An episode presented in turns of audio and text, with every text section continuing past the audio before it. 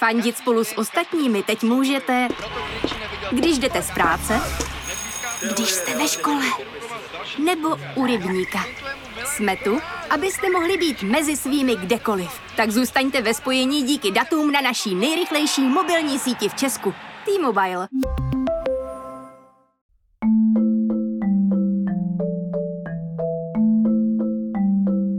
Vítejte u poslechu druhé epizody třídílného podcastu Odraz 89. I dnešní díl doplňuje sérii článků na webu Seznam zpráv, ve které se společně s jejich autorem Michalem Komárkem pokoušíme zreflektovat, jakou cestu jsme jako společnost ušli od takzvané sametové revoluce v roce 1989. Posunula se Česká republika k lepšímu? Pro koho to byl odrazový můstek k úspěšnému životu a koho následující dekády semleli? Na tyhle a na další otázky odpovídají nejen přímí aktéři listopadových událostí, ale i zástupci dnešní mladé generace, kterou od nich dělí 33 let. Projekt vznikl ve spolupráci Seznam zpráv a online archivu Paměti národa. I tou dnešní epizodou vás provedu já, Jan Kordovský. Dnes se budeme v podcastu věnovat tématu informací a toho, jak je konzumujeme. Dotkneme se i problematiky médií a komunikace obecně. Dokážou dnes média oslovit mladé a jsou k šíření informací zapotřebí zavedené redakce a týmy novinářů? Jako účastník listopadových událostí 1989 promluví Marek Irgl.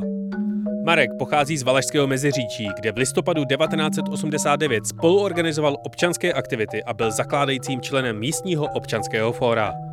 Před revolucí byl součástí tamního disentu a zapojil se do přepisování a pašování zakázaných textů a literatury ze západního Německa.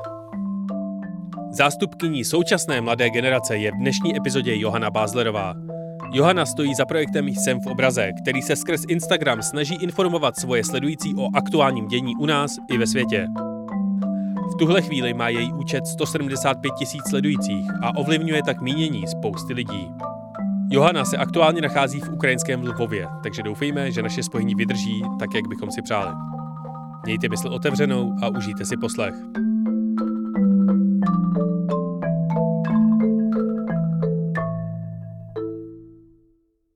Johana, Marku, díky, že jste si na tenhle ten projekt Odraz 89 udělali čas.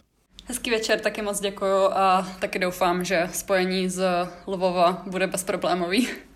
Díky, díky za pozvání, dobrý večer. Marku, litujete někdy toho, že jste v listopadu 1989, tak říkajíc, nezůstali doma nebo nebyli sticha? To vůbec, to mě ani nikdy nenapadlo, ani v těch, ne, v těch chvílích největšího zoufalství, v, v, v těch polistopadových letech, když jsem byl s něčím nespokojený. Tohle to považuji jako základní zlom, eh, za který jsem vděčný a budu vždycky vděčný, takže někdy zalituju, že jak, nebo si představuju, jaké by to bylo, kdybych odjel z České republiky před listopadem. A to v těch chvílích právě, kdy, kdy nejsem spokojený s tím vývojem tady.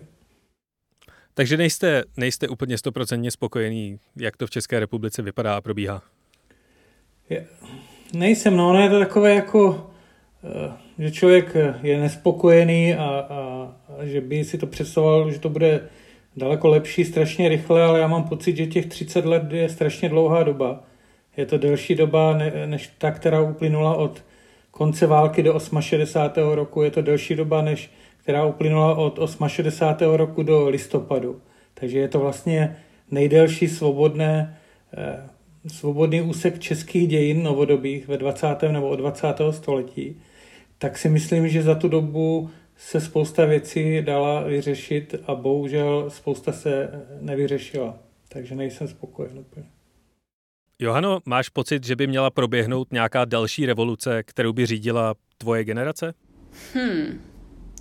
No, to je dobrá otázka, ale já bych asi navázala na to, co říkal Marek, uh, s tím, že taky nejsem úplně spokojená s tím, jak se to teď u nás v české společnosti vyvíjí, z mýho pohledu. Ale já bych tu vinu právě přehodila trochu na starší generaci, než na tu moji, jako kdybych to měla pojmenovat tak, než na tu moji generaci Z. Uh, tak mně přijde, že ta výuka k demokracii a k nějakým demokratickým hodnotám vůbec třeba u mě ve škole neprobíhala. A když se bavím s, s vrstevníkama svýma, tak u nich je to většinou podobný, že v třeba společenských vědách nebo v předmětech tímhletím směrem tak nějak jako vždycky pro, jsme projeli ústavu, projeli jsme uh, systémy, státní zřízení, Českou republiku letem světem, ale nebylo tam vlastně nic, s čím bychom se mohli stotožnit, že ačkoliv jsem si sama k tomu 17. listopadu našla cestu a každoročně ten 17. listopad moc ráda slavím. Eh, vždycky, když není covid, tak vyrážím na národní, ale uh, nepřijde mi, že by to bylo něco, co uh, by měl tak každý.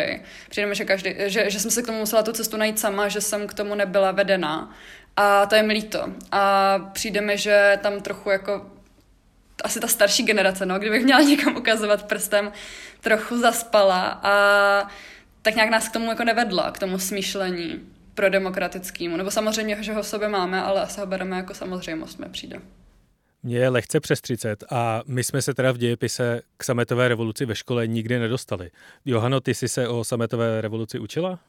No u nás jako ty moderní dějiny taky stály za nic. Nebo já jsem taky hlavně končila Gimpl, maturovala jsem během covidu, během té první vlny, takže tam jako vůbec ani jsme ten děják nedojeli a kdyby na to byl čas, tak si taky stejně myslím, že skončíme ještě uh, o dost dřív než rok 1989. Naštěstí jsem měla jeden seminář moc zajímavý, ve kterém jsme probírali teda spíš konkrétně uh, zahraniční, mezinárodní, mezinárodní dění v zahraničí, moderní dějiny, ale uh, bohužel ta sametová revoluce do hloubky nikdy u nás na Gimplu třeba nebyla probraná. Jako během 17. listopadu, během toho posledního roku, tuším, takže 2019, předtím než byl covid, tak byly nějaké akce k tomu, ale poprvé bylo hezký, že jsme jako zvonil klíčema, ale jinak předtím vůbec.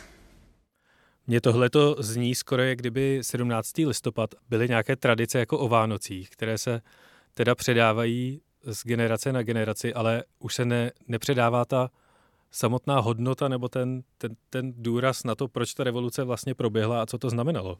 Hmm. Souhlasím. Já, já jsem se musel trochu eh, zasmát, eh, Johanov, tomu tvému úvodu, protože my, když jsme se tady s kolegou bavili nebo připravovali ten, ten rozhovor tak velice jednoduše, tak já jsem říkal sám ze sebe, že vlastně čekám už strašně dlouho, minimálně nějakých deset let, na dvě věci, kdy ta první z nich je, kdy se objeví generace, řekněme, třicátníků, mladých lidí, kteří jsou už nějakým způsobem vyrostli v té normální společnosti, netotalitní, a kteří už mohli jezdit do světa, studovat, mají plný přístup k informacím a začne brát ty věci do rukou, začne eh, přejímat ty společenské funkce, začnou se prosazovat v politických stranách a nastartuje se takový ten normální vývoj eh, západní společnosti, kde ti mladí lidé jsou zdrojem jakéhosi pozitivního vývoje dopředu. A tou druhou věcí, kterou jsem říkal, že na ní hrozně dlouho čekám, je, kdy tato generace nám vynadá, té naší generaci a řekne pro Boha, jak jste to mohli tak spackat, jak jste mohli nevyužít tu šanci, kterou jste nedostali, kterou jste si jako vydobili a pak jste najednou od toho vlastně utekli svým způsobem. A eh, na to by nešlo říct nic jiného, než že to je pravda, takže já plně s tím souhlasím. Ta naše generace si zaslouží vytáhat za uši eh, za to, že těch důvodů je strašně moc. Jo. Eh, každý ten revolucionář má svůj vlastní osud, ale kdyby se to dalo nějak jako shrnout, tak spousta z nás se nějakým způsobem orientovala třeba do biznisu, spousta z nás přijala nějaké funkce nejrůznější a vyklidila, eh, spousta z nás prostě se jenom začala věnovat tomu, čemu nemohla, cestovali, zmizeli do světa a tak dál. A strašně rychle jsme vyklidili pozice té generaci před náma, generaci, kterou já si třeba jako tak cvičně uh, označuji těch 68. To byli ti lidé, kteří byli odstaveni vlastně během těch 70. 80. let. Strašně měli ambice, měli zkušenosti, měli uh, i třeba jakýsi potenciál, ale uh, ti tu revoluci často nedělali. třeba na těch menších městech. A oni se objevili v takové druhé vlně, až když to bylo, protože měli ty své zkušenosti z toho 68. byli různě vyhození z práce, eh, nemohli dělat to, co chtěli, anebo měli jenom ten obyčejný prostě strach té, těch 40 až 50 v té době. A oni se objevili s jakýmsi spožděním a postupně ty otěže tak jako v klidu převzali od nás revolucionářů a zbavili se nás, ale s naším souhlasem.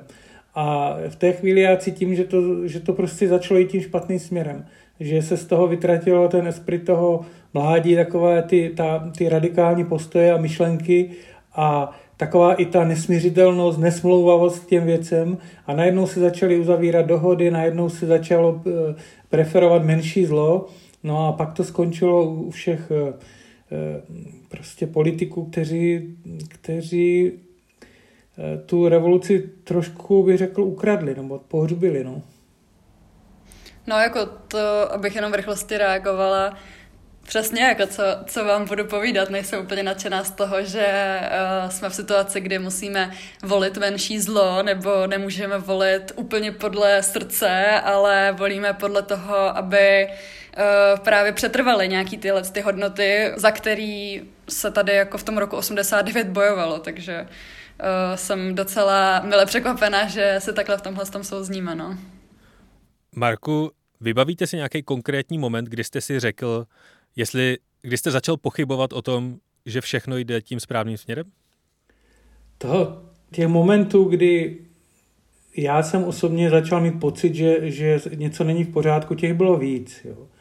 To mohlo být, eh, ono bohužel některé spadají třeba i do éry do Václava Havla, aniž bych eh, jemu zrovna eh, podsunoval, že to byl záměr, nebo mu to měl za zlé. Prostě ta doba byla taková. Jo. Ale Věci, které se děly hned po revoluci ve chvíli, kdy se přišlo na to, že minister Sacher byl spolupracovník STB, měl na starosti eh, ministerstvo vnitra, složky těch STBáků, které se ztrácely, tak to bylo, to bylo takový velký, velká rána, ale oni pokračovali potom eh, vlastně kontinuálně. Ale co byl takový velký zlom, tak to bylo určitě uzavření opoziční smlouvy ODS, ČSSD a to, co potom následovalo. To si myslím, že to, byl, to se dá označit za konec té snahy vytvořit tu standardní politickou společnost, kde se eh, nebo demokratickou společnost, kde se ty politické strany, řekněme, levo-pravé střídají s tím, že si předávají moc, že je tam jakási kontinuita, že eh, je to politická soutěž, tak jak jsme ji chtěli, že tam funguje, eh, jsou, fungují zákony volného trhu, poptávka, nabídka a že tudíž ty politické strany se musí snažit, aby toho zákazníka, tudíž toho voliče si získali na svou stranu a není možné, aby ho prostě zklamali, protože by příště už nebyli zvoleni. Opoziční smlouva to byl akt, který vlastně tohle to všechno smazal. A bylo řečeno vlastně jedno, koho volíte, protože se vytvoří nějaká eh, vládnoucí vrstva, Eh, někdo je u vlády, někdo je takzvaně v opozici, ale společně držíme pozice eh, v důležitých hospodářských funkcích, dozorčích radách, vyvádíme peníze do vlastních stran, do vlastních kapes a nikdo s tím nic neudělá, protože vlastně žádná opozice neexistuje. A další volby si to prostě prohodíme. Tak to byl, to, to byl první milník a kdybych měl zmínit ten druhý, tak to byl potom nástup Václava Klauze na, na hrad, a hlavně ty, to, tu ostudnou, to ostudný průběh eh, voleb, kdy se prostě na záchodě v Pražského hradu masírovali poslanci, aby zvedli ruku, kdy se objevovali eh, patrony v, v poště takzvané a podobné věci, to si myslím, že už opravdu to byl takový náběh na Balkán. No a, a samozřejmě pak třetí věc je první zvolení a, a i druhé současného prezidenta. To jsou prostě, každá z nich je křižovatka, která nás dovedla teda do toho žalostného stavu, ve kterém jsme právě teď. Ten stav například vrcholí tím, že eh,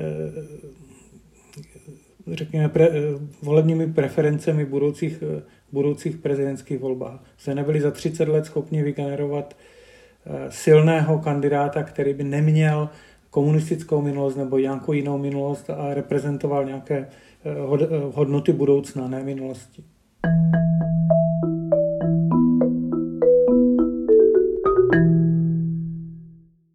Johano, jakým způsobem ty čerpáš informace tak jako všeobecně a i pro svůj projekt Jsem v obraze? No, asi jsem si navykla um, tak jako skoro každý den nějakým způsobem uh, konzumovat zprávy.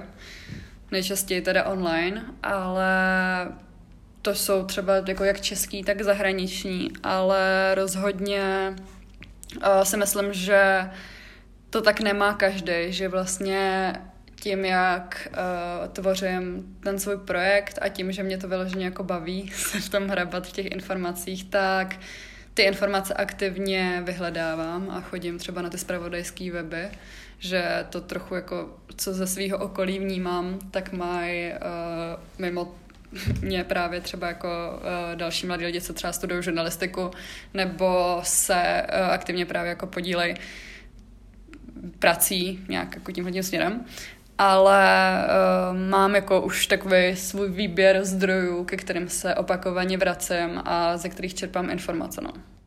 A jsou všechny z České republiky nebo chodíš i na zahraniční weby? Ne, ne, i zahraniční právě, no. V Česku, v Česku um, tady to uh, je právě kromě seznam zpráv například Respekt a Deník N, Uh, v poslední době i ráda čtu Alarm, vlastně názorový médium sice, ale uh, taky mě baví nějakým způsobem se přečíst, um, přečíst prostě na Alarmu nějaký názor, komentář k aktuálnímu dění, protože třeba tam komentují uh, věci, o kterých se zajímám. A zahraniční, um, tak asi nejčastěji Guardian, um, New York Times, hodně poslouchám taky podcasty, právě třeba od New York Times, The Daily, nebo Politico jsem tam, i teď s českým předsednictvem jsem se k němu vracela.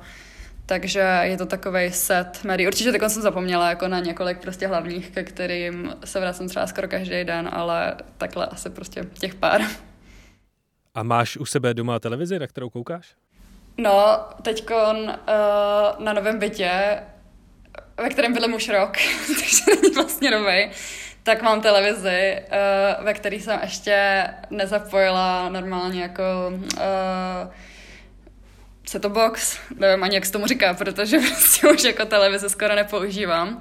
A mám ji vlastně jenom pro Netflix, ale uh, třeba jako ČT24 a uh, no hlavně jenom teda ČT24, tak tu si pouštím jako online, no, ale ale uh, přímo jako televizi, na televizi ji momentálně na svém bytě nemám. Marku, já mám na vás stejnou otázku. Jakým způsobem čerpáte informace vy o dění u nás i ve světě? Já používám hlavně telefon, abych si přečetl zprávy několikrát denně. Mm, ty základní české, některé z těch, co eh, Johana zmiňovala, taky. Na televizi se eh, vlastně nedívám. Zjistil jsem, že jsem před několika lety po jedné z televizních besed eh, propadl takovému zoufalství nad, eh, nejenom nad kvalitou těch hostů nebo těch politiků, tam, tam bych ještě jako chápal, že, eh, že se takhle musí chovat, protože to je součást té jejich politické práce, ale hlavně nad, bych řekl, špatnou kvalitou těch, toho moderátora. A o tom myslím obecně moderátory u politických debat. Neschopnost se ptát, neschopnost si připravit otázky, neschopnost reagovat, na druhé straně schopnost eh, zopakovat otázku, kterou mají připraveni, přestože ten host na ní právě odpověděl, jenom protože to na tom papíru mají.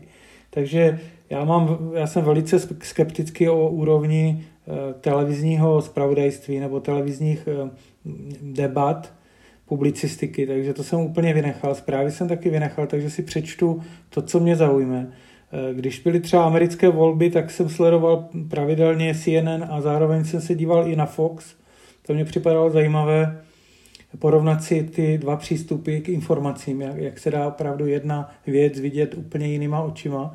Eh, to byla do, dobrá škola, ale, a, ale v poslední době se musím přiznat, že jsem závislý vlastně od vypuknutí války na Ukrajině na, na Facebooku, kde jsem se přihlásil do několika skupin, Eh, zprávy v angličtině o válce, kde teda eh, jsem to, to studuju, veškeré ty detaily, snažím se být informovaný, protože mě to zajímá, považuji to za zásadní věc dneska. No a jinak jsem mm, takový jenom poznatek, když jsem sledoval pravidelně to CNN, tak jsem se musel smát, jak eh, zpráva, která se objeví na CNN eh, ráno, eh, tak večer mizerně přeložená, trochu vykuchaná, že to ztratí i smysl, se objeví potom jako v českém spravodajství. No. Tak to je s nějakým od 16 hodinovým spožděním. Máte ve svém okolí lidi, kteří propadli dezinformacím? Mám, no. Bohužel bohužel, a považuji to za strašné nebezpečí. Ono to začalo už s covidem, to nezačalo až, až teď. Jo. Bohužel i třeba v mém okruhu lidí, od kterých bych to vůbec nečekal, jsou schopni ty dezinformace nejenom konzumovat, ale, ale šířit a, a stát za nimi a nejsou schopni reagovat na nebo vůbec Eh, absolvovat nějakou rozumnou diskuzi nad argumenty. Jo, mám, to, mám pocit, že to je jakoby skoro taková epidemie nebo nemoc. Nedokážu si to úplně vysvětlit, proč, ale myslím si, že to je výsledek té jako pilné práce těch dezinformátorů a těch trolů, kteří prostě léta nás nějakým způsobem učili myslet a část těch lidí prostě se takhle myslet naučil. No. A snažíte se s tím něco dělat? S těmi konkrétními lidmi? Bavíte se s ním o tom? No, snažil jsem se, ale zjistil jsem, že takhle, že to prostě nefunguje. Bohužel, to je ta dezinformace, ona je to přirovnáváno a splňuje to vlastně všechny, všechny kritéria, která jsou e, stanovená vědci pro sekty, že jakmile do toho spadnete, do toho světa dezinformací, tak najednou se stáváte vlastně takovým sektářem, který to bude hájit, i kdyby opravdu ta vaše eh, babička nebo dcera nebo umřela na covid, tak budete tvrdit, že to nebyl covid, že to byla chřipka. Takže to jde až tak jako hluboko.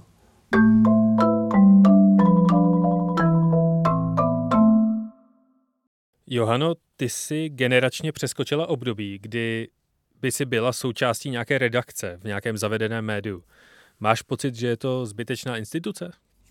Mm, rozhodně to není zbytečná instituce, ale chápu, že teď se ten trend vyvíjí tak, že jsou novináři i jako takový freelance jednotlivci, kteří se zakládají například různý um, Patreony a tady v Česku máme Gazetista a Hero Hero a různý tyhle ty, um, platformy, kde se dá jako content právě jako psát za paywall, takže v tom uh, rozhodně já koukám směrem do zahraničí, takže to úplně plně dokážu pochopit, ale zároveň um, nemyslím, nejsem toho názoru, že by uh, měli jako tradiční média někam jako odcházet, končit, to, to rozhodně ne. Určitě jako by měli reflektovat nějaký um, moderní trendy, nějakým způsobem je zakomponovávat do um, svýho obsahu, ale nemyslím si, že by to mělo jako úplně přeskakovat, nebo že by prostě jako ty tradiční redakce neměly tady být. Ty sama informuješ 175 tisíc lidí. Spolupracuješ nějak s někým, kdo je tvůj editor nebo tvůj fact-checker?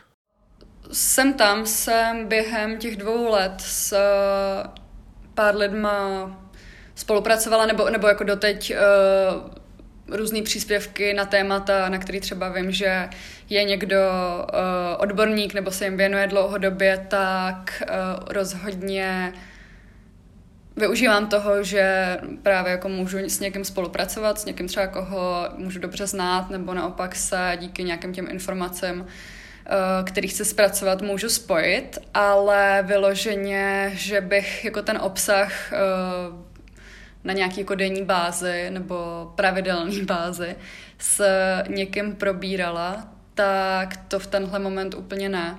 Spíš, eh, když už mám nějaký eh, lidi okolo sebe, co mi pomáhají, tak to jsou tak je to pomoc s nějakýma uh, vlastně jako spíš uh, produkčníma věcma okolo, než jako ten obsah, že ten obsah nějakým způsobem jsem do jisté míry i já, tím, že vybírám, co na ten profil um, vlastně postuju, co rozebírám na tom profilu a nějak jako tím, že zatím jako je nějaká Johana za tímhle tím profilem, tak tomu taky dostává, tak tomu taky to dodává nějakou jako kredibilitu a důvěru u těch mladých lidí.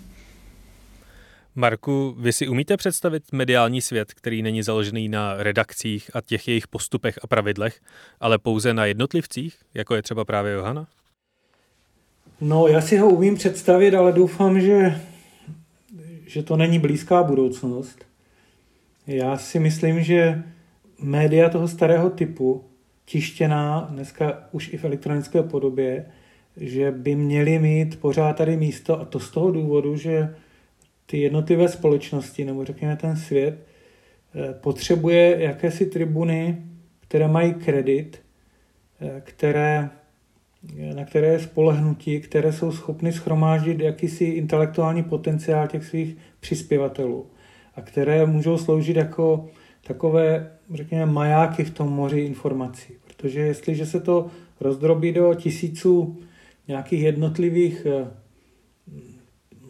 internetových, eh, řekněme, novin vedených nebo provozovaných jednotlivci nebo malými skupinami, tak eh, to, myslím, není jako velký přínos to, to totální rozdrobení těch názorů. On, on už i ten Facebook vlastně, nebo ta sociální média v tomhle tom sehráli velkou eh, negativní roli. Takže já, si, já doufám, že časopisy nebo noviny jako, jako, jako New York Times nebo Corriere della Sera nebo Guardian, že prostě aspoň, aspoň jedny v každé této zemi prostě zůstanou zachovány a, a že prostě budou lidi nadále jezdit třeba v tramvaji s roztaženýma no, novinama a číst si v nich, nejenom v těch telefonech. Um, nejsem si jistý, jestli, jestli v České republice prostě dosáhneme tady tohoto stavu, no. nebo jestli vůbec ho máme momentálně. Jakým způsobem se kolem revoluce šířily informace? Jak jsem se mohl jako 30-letý dozvědět, že je stávka nebo demonstrace, nebo že ty nespokojené keci, které poslouchám u piva, tak nemají jenom moji kamarádi, ale větší část společnosti? To, to je otázka na, na velké povídání, ale když to mám zestručnit, tak eh, řekněme na sklonku 80. let, tak dva roky před eh, listopadem, kdy se jednoznačně ten, ta společnost nebo ta, ta zeď kolem, kolem nás prostě začala rozpadat, tak tam to souviselo i třeba s rozvojem těch technologií. Jo. Objevil se, objevily se Xeroxy, které fungovaly v těch eh, podnicích, už to ne, nebo kopírky, už to nebyla eh, věc, která byla za, zamčená někde u, u vedoucího nebo u ředitele ve fabrice. A tak. Takže se s tím začaly objevovat i tiskoviny, nebo řekněme různé typy přepisovaných, nejprve eh, jednoduchých prostě přes 10 kopíráků, posléze to dostalo podobu až eh, opravdu časopiseckou, taková Revolver Review v roce 89, to už byl nádherný časopis, graficky fantasticky vyvedený, obsahově přeplněný, přetékající příspěvky. A takže na straně těch výrobců, řekněme, těch, těchto médií, eh, to lidové noviny, že jo to, to bylo jednodušší než deset let předtím. A to šíření probíhalo vlastně výlučně eh, osobním kontaktem prostě.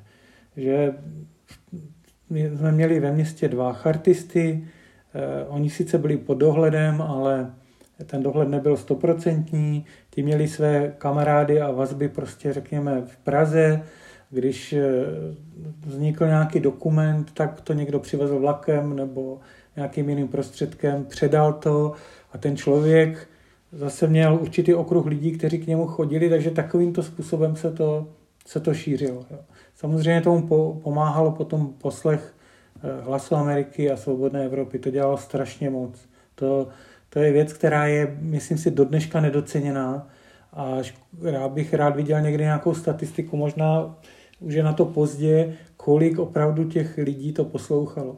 Jo, jaké procento obyvatel, protože ty informace se šířily opravdu strašně rychle. Když vám večer zahlásili na, na Svobodné Evropě, že někdo podepsal e, několik vět, tak na druhý den prostě si o tom povídali všichni u piva a ve fabrikách, tak jo, když to byla známá osobnost, když já nevím kdo, z těch, z těch herců nebo tak. Jo. Objevovalo se během revoluce něco podobného tomu, čemu dneska říkáme dezinformace? Určitě, no, ale jenom v těch, jenom v těch prvních dnech eh, revoluce strašně všecko zrychlila. To najednou, eh, jako když přeřadíte u auta z jedničky prostě na čtverku naraz, jo. To, to se všema cuklo. To šíření informací probíhalo tak, že v první fázi studenti prostě, kteří eh, byli ve stávce, tak pendlovali mezi těmi svými domovskými městy a Prahou a těmi stávkovými výbory, které sloužily jako centra pro kopírování, takže se kopírovalo všecko od létáku po nějaké prohlášení, záznamy z toho zákroku na 17, na, na 17. listopadu. A v těch prvních fázích se objevily skutečně podvrhy nejrůznější. Když se objevil Václav Havel, tak třeba v našem městě eh, nacházeli lidí nějak takový třístránkový elaborát o jeho buržázní minulosti, o tom, kolik má milenek, kolik má peněz, jaký měl kriminál fešácký a podobné věci, jak jeho eh, rodiče spolupracovali s nacisty a tak. Ale to bylo poměrně krátké období. To bych řekl, že skončilo 1. prosince, tuším, když byl zvolený, eh, nebo 10. když byl zvolený Václav Havel prezidentem, tak to jako když utne. To si myslím, že pochopili všichni tihleti eh, zarytí bolševici, že, že prohráli No a přelili se do těch oficiálních struktur. Marku, když tak mě opravte, ale já si to představuju tak, že v roce 89 nebo 90, když uh, už bylo jasné, že ten režim padnul, tak jste si mohli představit a vymyslet úplně prakticky cokoliv a nějakým způsobem to postavit, zařídit. A my se teď bavíme o informacích, takže například noviny. A do jisté míry tomu ekosystému těch informací nastavit jejich vlastní pravidla. Když bych ale dneska chtěl začít s nějakým projektem, který se snaží informovat, tak jsem odkázan na ty už existující struktury, bez kterých to prostě nejde. A ty struktury mají často spoustu omezení. Buď jsou to zavedená média, anebo třeba velké technologické firmy a jejich neúprostné algoritmy. Johano, ty sama publikuješ primárně na Instagramu. Přemýšlíš někdy nad tím, že se pohybuješ na jejich hracím poli a uvnitř jejich reklamních algoritmů a že všechno, co děláš, můžou jednoho dne prostě vypnout, zrušit nebo úplně změnit? Rozhodně, no.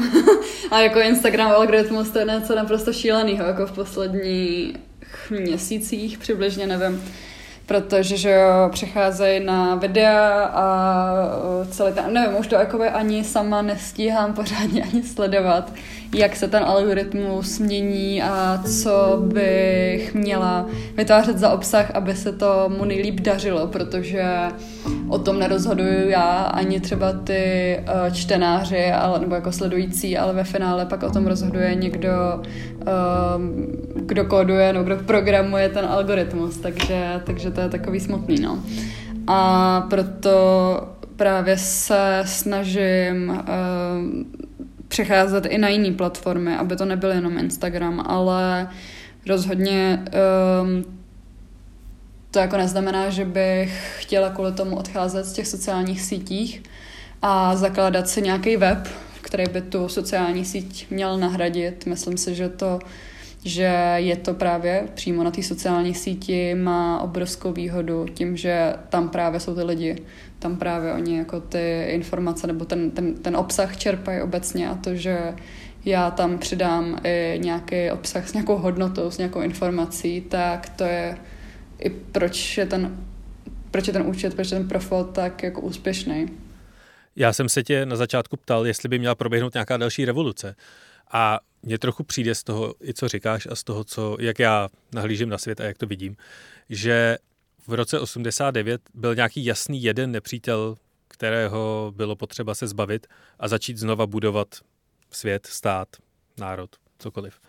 Ale teď, když se bavíme právě třeba o té publikaci informací a třeba o těch velkých technologických firmách, tak ty nejsou nikomu zodpovědná a vlastně se jich nedá žádným způsobem prakticky zbavit. No rozhodně no a je teď, co se jako děje s Twitterem, je naprosto uh, unprecedentní vlastně, jako možná ve finále si Elon Musk nebude moc za stolik zahrávat a vzhledem k tomu, že jsme v Evropské unii, ale zatím to vypadá tak, že nějaká svoboda slova, kterou chtěl nebo chce tolik šířit, nebude vlastně vůbec jako priorita té aplikace nebo té sítě, jestli projde nějakýma jako extrémníma změnama, který jako on uh, slibuje. Takže v tom je to opravdu docela vlastně jako ve finále um, strašidelný, až jako kdybych to měla takhle jako zveličit. A no jako revoluce v tomhle, já tak jako když řeknu revoluce, tak se ten 17. listopad představím, ale uh, revoluce v tomhle to vnímání, v tom, uh, nevím, kdybych to měla vztáhnout na tu Evropskou unii, tak tam je nějaký akt o digitálních službách, tuším, že se to jmenuje, tak tímhle tím směrem se furt prostě zdokonalovat uh, tím, nebo zatím, aby se nešířily nepodložené informace, aby se nedařilo tolik nějakým pro ruským trolům, tak to si myslím, že tam je jako spousta práce a jestli tomu jako říkat revoluce a provždy to nějakým způsobem vyřešit. A když si myslím, že to jako nemá jedno, jednoznačné řešení, tak, tak to by byla určitě asi jako super revoluce, ale, ale to je asi ještě na zamyšlenou. To popravdě o vlastní nějaký revoluci nebo o revoluci, co by dělala nějaká moje generace, tak to jsem ještě nepřemýšlela nějak do hloubky. Marku, vy jste se nad tím někdy zamýšleli, jakým způsobem vlastně se privatizoval tok informací? No určitě, tak eh, já, já jsem toho byl svědkem, že svědkem toho, jak, eh, jak se stávající noviny eh, dostávaly nejrůznější cestou, včetně cestou privatizace malé nebo velké privatizace do určitých nových rukou, jak některé z nich velmi brzo změnili majitele. Eh, pamatuju se eh, třeba na případ eh, vlastně tehdejší Mladé fronty a taky si pamatuju na to, jak vznikaly nové, nová tištěná média, ale taky například rozhlasové stanice nové. A sleduju ten vývoj za těch 30 let a to je jednoznačně prostě vývoj špatný, že? protože třeba když si to vezmeme na ty, na ty rozhlasové stanice, které by mohly mít obrovský vliv, co se týká informací, ale, ale taky co se týče třeba nějaké estetické výchovy. Když si pustíte jakékoliv rádio v České republice až na světlé výjimky, tak se tam hrají stejné věci, mnohdy věci norma, normalizační, písničky. Eh, je to strašně zúžený okruh eh, toho, co se předává těm lidem přestože existuje spousta fantastické hudby, kvalitní, která by se dala dát hrát v rozhlase, ale která prostě není v tom hlavním proudu, protože do toho hlavního proudu ti to lidé, kteří eh, třeba rozhlasovým stanicím nebo, nebo těm, těm hudebním eh, kanálům těchto rozhlasových stanic prostě velí, tak je tam prostě nezařadí z nejrůznějších důvodů. Buď se jim to nelíbí, anebo jsou tam finančně zainteresovaní a tak dále. Takže eh, já jsem byl svědkem toho, jak, jak se objevoval každé, každých pár měsíců nová rozhlasová stanice, ale stejně tak jsem byl svědkem, jak během jednoho desetiletí ty rozhlasové stanice se začaly podobat jedna druhé způsobem eh, moderování, s informacemi, které podávali, eh, tím sklouzáváním do takového toho polobulvárního nebo čistě bulvárního eh, způsobu komunikace, až teda k té, k té unifikované hudbě. A posléze to, já nevím, jestli dneska patří ty stanice dvěma nebo třema řetězcům, které všechny schrnuli pod svoje křídla. A tak něco podobného samozřejmě se dělo i v oblasti těch tištěných médií, takže já to považuji jednoznačně za strašně špatný vývoj. A znovu si myslím, že tady stát měl už dávno dát prostor eh, soukromým rozhlasovým stanicím vymyslet to technicky tak, aby se uvolnily frekvence pro tyto stanice, aby prostě mohlo, mohlo více lidí se dostat k tomu, aby mohli šířit prostě jiný typ informací, než, než, než je ten mainstreamový. Ale tam ten zájem nebyl od začátku, to bylo, to bylo jednoznačné. No. E, věřili jsme, že třeba ty digitální rádia to změní, ale zatím to nevypadá, že by byla nějak, nějaká ochota. No.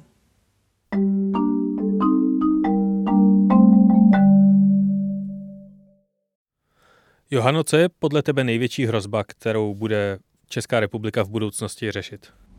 No, jako já jedno, co bych se přála rozhodně, tak aby už jsme prostě měli jednou volby, ve kterých uh, budou nějaký jako inteligentní třeba protikandidáti ve finále proti sobě a nepůjde jenom o to, aby jsme uh, se jednoho kandidáta proti kandidáta zbavili, ať to stojí, co to stojí, to už popravdě za ty poslední volby, nebo snad jako za všechny moje volby, co jsem zatím jako měla uh, od 18 let možnost volit, tak mi přijde, že to bylo ve všech. Tak to mě docela už jako štve, popravdě. No. A ty nějak řešíš, jestli někdo byl nebo nebyl před 40 lety v komunistické straně? Uh, no, popravdě uh, je, to, je to takové jako vroubek, přesně, že během těch 30 let se to tady jako nemohlo posunout někam dál. Uh, to, to docela bolí, uh, abych řekla pravdu. A uh, nerada bych, aby tam zbytečně takový člověk byl, ale uvidíme. Každopádně nějaká jako hrozba pro Česko, českou společnost, jako rozhodně to jsou podle mě jako ty dezinformace, to, že um, třeba je problém nebo stále tady u nás v Česku, no tady, teďko nejsem v Česku, ale v Česku obecně prostě je problém s tím, aby se nějak jako kvalitně komunikovalo to, co vlastně třeba vláda dělá za kroky a proč je dělá tak uh, místo toho prostě se to jejich nějaký opoziční politici uh, přebírají a přeformulovávají jenom tak, aby obchodovali se strachem a s nějakou nejistotou, která prostě ještě navíc během těchto těch jako uh, situací, které tady jako už pár let máme, tak během prostě toho, jak to teď je, tak ta nejistota tady samozřejmě přetrvává. No a nevím, no jakože nějak konkrétně asi nedokážu ukázat, ale rozhodně nějaký ta, nějaká ta informační bezpečnost uh, je podle mě na nějakým uh, z prvních míst. Marku, vy souhlasíte, nebo co je podle vás největší hrozba? No já souhlasím úplně s Johanou. Já si myslím, že to jsou informace, nebo respektive dezinformace. Schopnost společnosti se jim bránit na té úrovni institucionální, to znamená eh, aby dokázala vytvářet, vytvořit prostředky, které to, tomu budou bránit. Tím míním i právní rámec vytvoření pro to, aby, aby, aby bylo možno eliminovat. Já, já jsem se zaradoval, když eh, po té, co vypukla válka na Ukrajině, se teda naše úřady jako odhodlali k tomu, že několik, já těch sedm těch, ne, těch hlavních dezinformačních webů odstavili a nenechali je šířit ty informace za dva nebo za tři měsíce, eh, to bylo zrušeno a já, já říkám prostě, já vím, že to je, že to je strašně těžký boj, že zakážete sedm serverů a 14 vám jich vznikne, jo. ale ono je přece i důležité nějakým způsobem tomu zbytku společnosti eh, jasně říct, že tohle to už je přes čáru, že tohle to je proti zájmům lidí a té společnosti a ne, neodvolávat se pořád na, na svobodu projevu a na demokracii, protože všecko má svoje hranice. I svoboda projevu, i demokracie, protože ve chvíli, kdy jsou v sázce eh, nejenom životy lidí, ale i osudy států a národů, tak je to samozřejmě víc, než, eh, než to, jestli zakážete nějakému nějakému prostě ruskému zaprodanci, aby tady šířil lži a štval lidi proti sobě. Myslíte si, že by jednotlivá média měla podporovat konkrétní kandidáty na prezidenta, třeba týden předtím, než eh, proběhnou volby? Já nevím, jestli by měla podporovat, jo? jestli je to úloha uh, nějakých konkrétních médií, ale eh, přesně vím, co by neměli novináři dělat. A to, že nějakým způsobem třeba dehonestují toho politického protivníka. A to si myslím, že se právě stalo u první prezidentské volby eh, Miloše Zemana. To si myslím, že eh, například pan Václav Moravec eh, je způsob vedení předvolebních debat, způsob témat, která otevíral s jednotlivými kandidáty, že přispěla prostě k tomu těsnému výsledku a já jsem se účastnil besedy, kde on sám toto téma otevřel a říkal, no mě to všichni jako vytýkají, že, že to byla moje chyba, že jsem jako to neměl takhle dělat, ale já přece jsem jenom ten moderátor, eh, jo, který vlastně stojí mezi těma dvěma lidma a je, má je nějakým způsobem udržet prostě při sobě a tak. Ale já myslím, že hrubě se v tomto jako spletl, že, že, že ale to nebyl on jediný. Jo.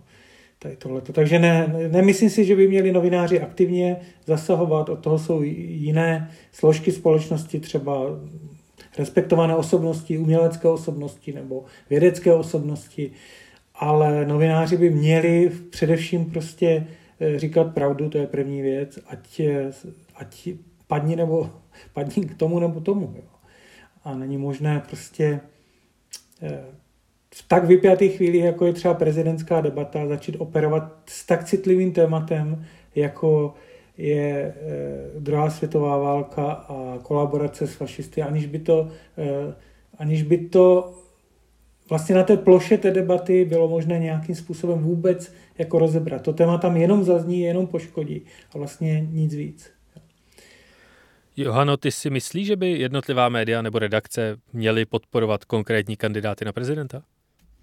Mm, nemyslím si, že by to mělo tak být, ale zároveň třeba u mě jako u jednotlivce a u jako názorového média nebo jako u média, který není není stoprocentně objektivní, tak nebo nevím, já jsem v tomhle tom asi taková půl na půl, ale rozhodně mi vadí, že se tady v Česku o politice nebavíme jako mezi sebou, um, tak otevřeně, jako by si to podle mě zasloužilo, že většinou tak jako spíš nadáváme, ale s nějakou jako tolerancí, empatí si popovídat o politice a hledat nějaký jako společný závěry, tak to nám asi tolik nejde, uh, si všímám, ale uh, já třeba se snažím podporovat hlavně to, aby lidi k těm volbám šli a uh, nebojím se říct uh, potom, aby třeba volili jako demoblok, jo, demokratický koalice nebo demokratického kandidáta. A myslím si ještě, jako abych odpověděla i na tu otázku předtím,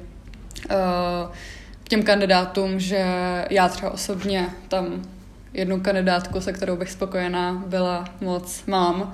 Takže, takže jako doufám. a, a, a jako budu ve finále uh, ráda toho člověka podporovat, si myslím. Takže uh, těžko říct, ještě teď sice je to za pár neděl, už ta prezidentská volba, ale uh, bude to opět bude to opět zajímavý. Marku Johano, já vám moc děkuju. Taky moc díky. Já taky děkuju.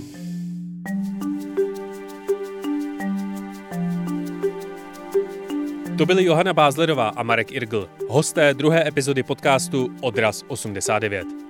V té závěrečné budeme mluvit o problematice školství. Jak je možné, že ani po 33 letech nejsme schopni děti vyučovat poválečnou historii? Nezapomeňte si na seznam zprávách najít i články mého kolegy Michala Komárka na další důležitá témata, která spolu s tímhle podcastem Odraz 89 tvoří. A taky se podívejte na příběhy aktérů sametové revoluce a dalších pamětníků, které v online archivu Paměti národa schromažďuje Združení Postbellum. Loučí se Jan Kordovský a naslyšenou u dalšího dílu Odrazu 89.